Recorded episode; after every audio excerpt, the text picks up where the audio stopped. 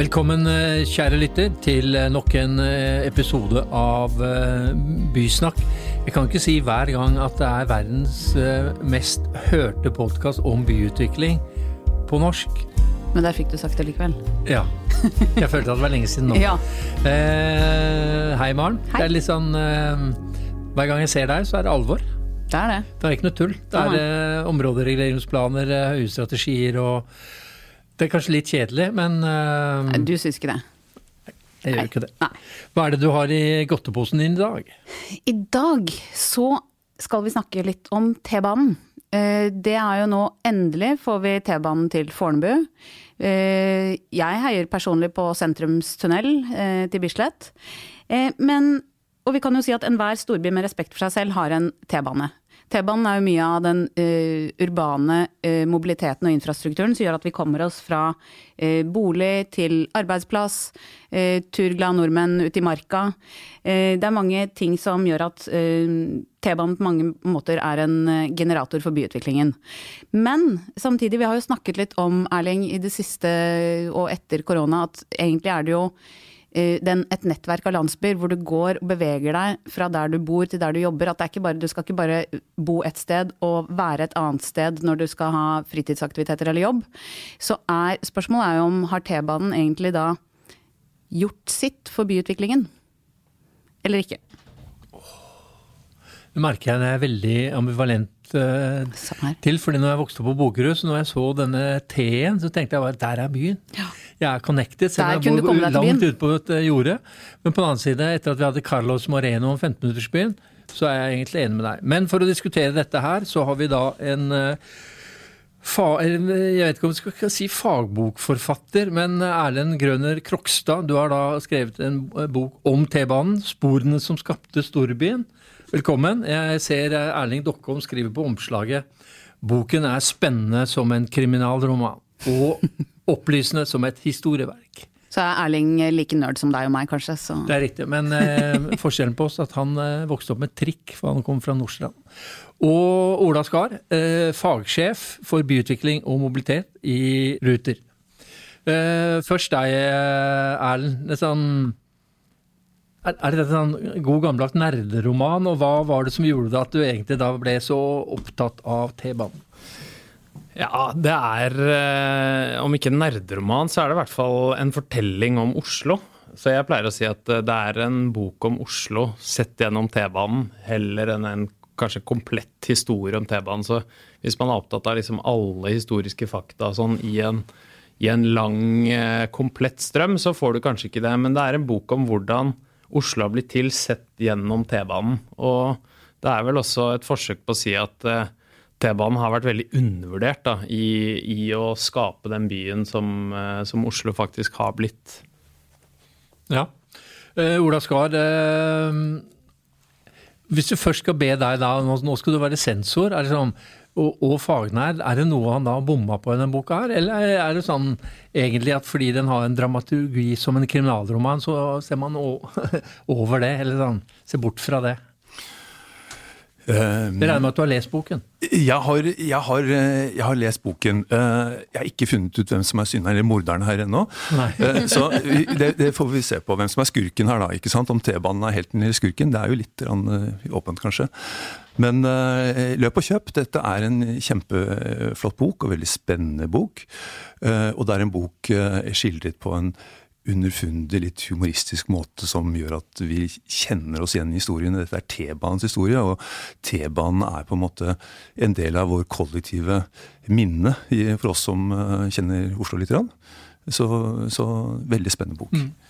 Men, men, da, Erlend, eh, T-banen kommer Er det Grorud som åpner først? 66? Ja, det var faktisk Lambertseterbanen som ble åpna først, selv om man trodde Grorud skulle være først. Men vi er jo omtrent samme år, eller? Ja, dette er 66. Men, så, og det er jo det som har blitt kjent som T-banen. Men jeg starter jo historien en god del tidligere, for at Oslo var jo blant faktisk de, de første byene i Europa som fikk tunnelbane. Man kalte jo det eh, Altså undergrunnsbanen, kalte man det. Um, mellom Majorstad og Nationaltheatret allerede på 20-tallet, 1928. Så det var jo på en måte starten på T-banenettet kan du si, da, uh, som vi ser i dag. Så, men, men, de østlige T-banelinjene som har den teknologien som vi ser i dag, med liksom strømskinn i bakken og, og sånn, de kom jo på 60-tallet. Mm. Ja. Men det er jo interessant også når vi snakker om 20-tallet, så var det vel også noen skisser eh, som jeg har sett ut, med, ut i Fornebu. Så da snakker du om en lang eh, planleggingshorisont, i hvert fall når det går 100 år før du får realisert det. Jeg tror det gikk 100 ett år før, eh, fra liksom planen ble lagt fram til mm. spaden gikk i jorda. mm. men, men, da, du, du, sier da sporene som skapte storbyen. Hvis man skal da ta et eh, kontrært utgangspunkt, kan man også da si sporene som drepte storbyen?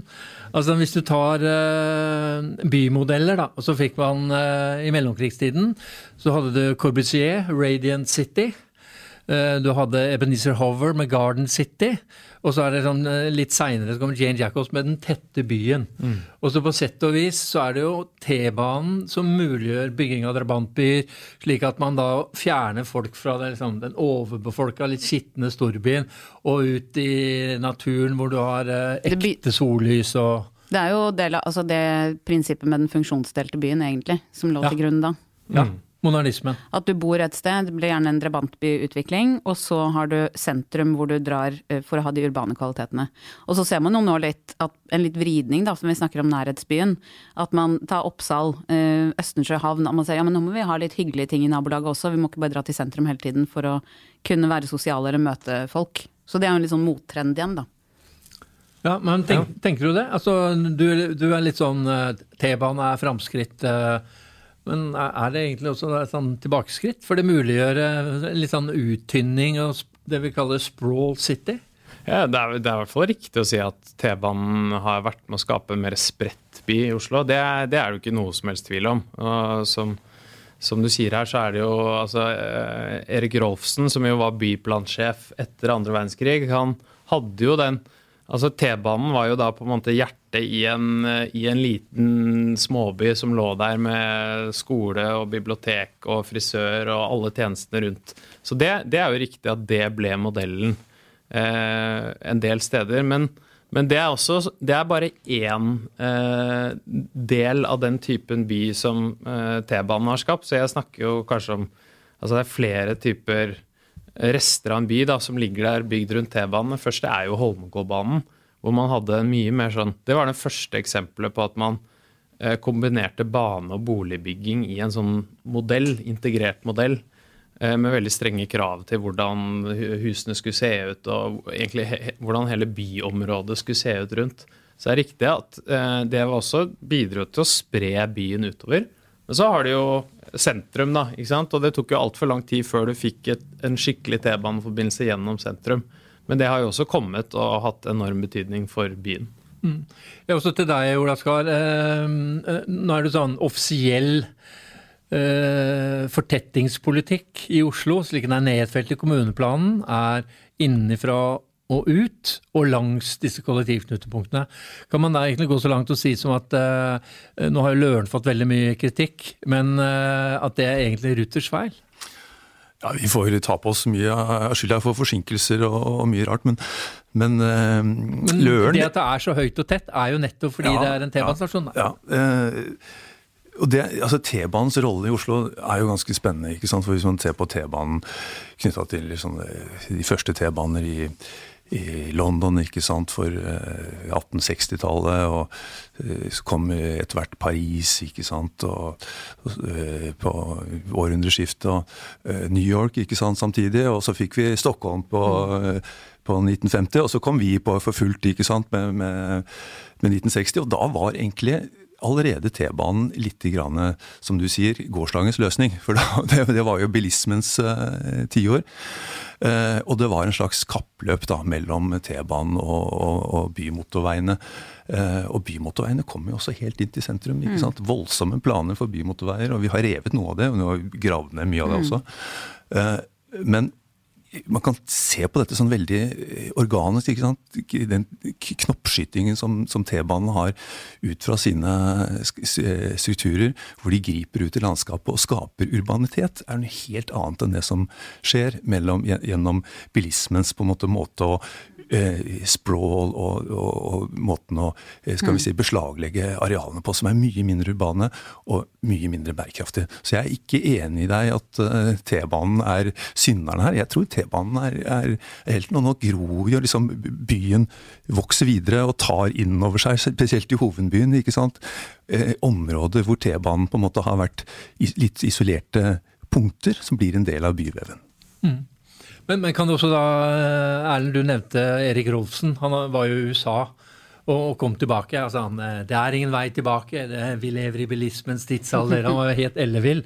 Men vil du egentlig da si at fordi vi fikk en såpass massiv utbygging av T-banen fra 66 og utover, at vi redda store deler av området fra å bli sanert og bli motorvei? Ja, det tror jeg ikke det er noe tvil om. Så helten er egentlig T-banen ja. nå, plutselig? Tror... Vi er litt ambivalente, kan jeg kjenne ja, det selv. Ja, jo, vi kan snakke om helten og skurken, men, men det som i hvert fall er sikkert, da, er at den der beslutningen som ble tatt en vinterdag i Rådes i 1954 om at T-banen skulle bygges i øst, eh, mm. den hadde, eh, hadde, den, hadde den beslutningen ligget der tre eller fire år senere, så ville tommelen sannsynligvis vendt ned, og Oslo ville sett helt annerledes mm. ut. Og i byggeperioden fra 54 til 66, når de første linjene åpnet, så tok jo bilen fullstendig over, ikke sant, mm. som Ola var inne på her.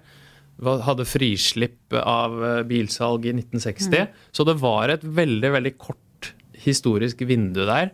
Og hvis ikke T-banen hadde vært der for å svelge unna den trafikken gjennom byen, så ville vi hatt et treetasjers eh, fordelingskryss mm. på Olaf Ryes plass. Det tror jeg mm. faktisk. Mm. Og så er det jo noe med den eh, Altså jeg er litt ambivalent, jeg òg. fordi det er jo noe med det demokratisk også med at man kan altså Vi snakker mye om boligpriser og tredje boligsektor, men hovedpoenget er jo nok boliger. Og å kunne reise rundt uh, på en uh, miljøvennlig måte.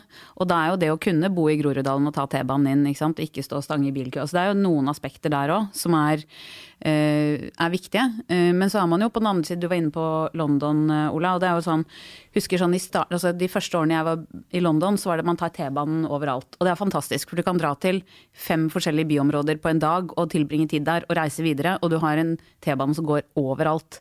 Samtidig, når du først begynner å gå i London, så får du den Å ja, det er sånn London egentlig er. Det er sånn det oppleves. Å ja, det er jo egentlig mye nærmere det enn jeg var klar over. Fordi det kartet er jo selvfølgelig grafisk sett laget misvisende, ikke sant. Sånn at det er liksom det er, to, det er så mange aspekter ved det da, som er både positivt, men også noe med den byopplevelsen som vi er litt ute etter, Erling, med mm. nærhetsbyen.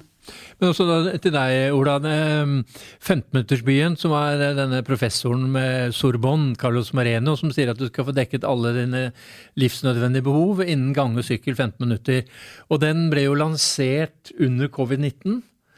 Eh, den, var, ble unnfanget, ikke i forbindelse med det. Det var at Carlos Moreno var møkk lei å stå og vente på T-banen, egentlig. Eh, men da så, du jo Og så kunne man tilfeldigvis ikke ta kollektivt en stund, så da ja, men, men, da var det sånn, du, du gikk på T-banen, og så ble det både opplyst over høyttaleranlegget at man eh, da frarådet folk å ta T-banen. Så, og, det må jo ha vært sånn grusomt for en T-baneentusiast at hovedsynderen ble også T-banen. Men er vi eller Skapte covid-19 et endret trafikkmønster, eller er eh, Ruter good to go? Eller er man tilbake til før covid? Det skjedde jo mye endringer under, under, covid. og Det som var interessant å se, eh, var jo at eh, det skjedde faktisk mer skal vi si, Eh, bortfallet var større i vest eh, enn i, mm. i Groruddalen mm. osv. De tunge T-banelinjene falt minst, for der var det mye sånn blue jacket-jobb. Det var de som holdt hjulene i gang. Det var de som måtte mm. være på jobb og, og var hverdagshelter mm. for å ikke sitte på hjemmekontor og, og, og jobbe digitalt. Eh, så, så, så, det var, Og nå ser vi at vi er ikke 100% tilbake, men vi er nesten der vi var mm. før pandemien. Uh, og så var du litt inne på dette med 15-minuttersbyen og alt dette her. Det er jo selvfølgelig noe som Ruter uh, heier på. Kjempespennende ideer og tanker. Og det er jo noe som var også utgangspunktet for mye av eh, drabantbytankegangen, egentlig. At mye av disse drabant, mange av disse drabantbyene skulle være mer eller mindre selvforsynt med service osv. Så, videre. så kom jo De slo ikke til. ikke sant? Så, så, så, kom jo bilismen inn, ikke sant? og dette ble på en måte eh, annerledes. Og så fikk du denne også i tråd med kan vi si, soneringen og, og overordnet tankegangen, voldsomt mye pendling. ikke sant? Mm. Så, så T-banen i Oslo jo på en måte hadde en annen rolle enn i de store byene, for der var T-banens rolle å knytte byen sammen. Her var det jo T-banens rolle å få folk ut av byen, som du mm. sa, ikke sant? og flytte byen ut til, til, til, områder, til, mm. til, grønne områder rundt omkring. Mm. Og så har det skjedd nå at byen sant, vokser. Eh, så T-banens rolle er nå i ferd med å endres til å bli litt mer den samme rollen som storbyen har. Ikke det er ikke en sånn forstadsbane for å mm. komme inn til byen. Du kan bruke den for å oppleve byen, og, og er en asset i å liksom, ha eierskap og, og, mm. aktivitet i hele byen uten å trenge å kjøre bil og sånn. Mm. Og T-banen produserer urbanitet, mens bilismen produserer eh, suburbia. ikke sant? Mm. Det er, eh, og hvordan den urbaniteten blir, f.eks. på Løren, det er jo opp til byplanleggerne. Det kan bli dårlig eller ikke dårlig, men, men i hvert fall så er det en, en motor eh, for å skape urbanitet. Mm. Vi, vi, må også snakke om eh, framtiden. Altså, nå har vi beholdt uh, i fortiden.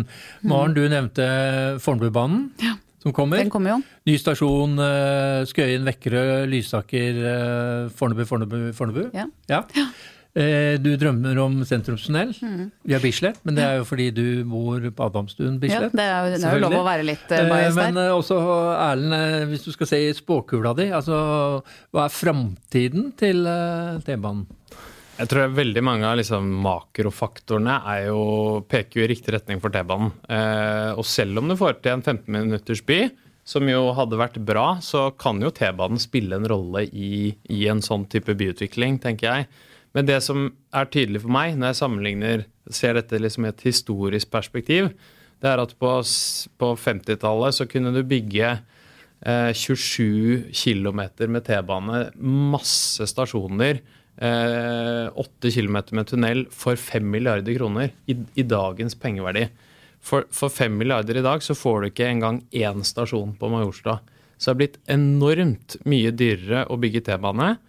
Eh, og det vil si at Hvis, hvis T-banen fortsatt skal være en, en, driver i byutviklingen etter Fornebubanen, så må du få et helt annet type spleiselag mellom offentlige og private aktører, hvor private aktører må eh, betale mye mer. fordi eh, ærlig talt så, så betaler de altfor lite, sånn som det er i dag. I, I, forhold til den verdien de henter ut av f.eks. Fornebubanen, så nå betaler de kanskje en femtedel av eh, byggekostnadene, og det er altfor lite. Men det så man jo også at man for å få til Fornebubanen, så måtte men, man jo Men det var til deg, eh, Maren. Altså ja. utviklerne betaler altfor lite når det gjelder finansiering av infrastruktur. Ja, men det var det jeg skulle, altså På Fornebubanen har ikke vi noe prosjekt på Fornebu, eh, i hvert fall enda, men, men, eh, der så man jo at ja, men greit, da må vi steppe up for å få det til. Vi kom ganske fort i penga når det, ja. når det så ut til at banen forsvant. Men det, jo, men det er jo litt sånn altså Hele Fornebu-diskusjonen er jo også det med at man planlegger en bydel for noe man ikke har på plass ennå. Og det er jo også en problemstilling med T-banen, at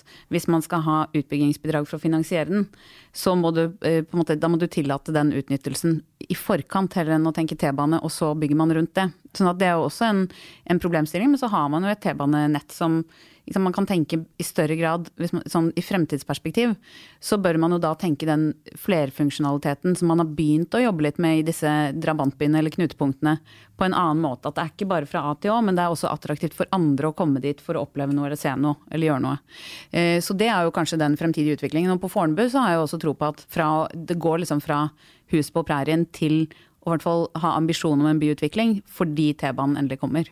Så heier, Jeg heier jo på en stasjon på Bislett og Grünerløkka, jeg også. Jeg tror det hadde vært fint. Men det er ikke det viktigste med den nye sentrumstunnelen. Det er jo at eh, man eh, får Altså, man avlaster den tunnelen som ligger der, som jo er veldig sårbar. For hvis det skjer noe inni den, mm. altså hvis det skjer en alvorlig ulykke eller terrorangrep eller hva som helst, så er den da er det infarkt i systemet. Mm. Så det å få en ny tunnel gjennom sentrum, det tror jeg er viktig. Mm. Uh, Majorstua, når blir det gravene der uh, og ordentlig byutvikling der? Nei, vi, jo, vi, skulle jo gjerne ønske at det skjedde samtidig med innfasingen av Fornebubanen i 2028. Men dessverre så, så, var det ikke penger nok til det, og da er den utbyggingen lagt på is foreløpig. Men det er klart, Majorstua var jo er jo kanskje det punktet vi faglig sett ønsket å, å få utviklet først. Eh, fordi det vil gi eh, veldig stor nytte. Både for innfasing av Fornebubanen, men også for å øke kapasiteten på andre eh, grenbaner. I tillegg får det bonus av, av byutviklingen. Så veldig, skal vi si, flott at vi greide å få uh, Fornebubanen på en måte finansiert. Men vi skulle gjerne, veldig gjerne sett at uh, vi fikk det til det samme med Majorstuen stasjon. Mm. Jeg tenker også sånn Uh, Sadiq Khan, da, som er uh, ordfører slash borgermester i London, han, han, går jo hver gang det, det åpner noe Elizabeth Line, ny metrostasjon i, i, forhold til Battersea Power Station, så sier han hver gang This is a game changer for London's economy. Og så på et eller annet vis, og, nå, Du skriver jo også da et kapittel om den forrige uh, store utvidelsen med T-baneringen. Og det er jo sånn Grefsenbyen, som er mye kritisert. Nydalen er også blitt mye kritisert. Det er jo helt åpenbart at det har enorme økonomiske ringvirkninger.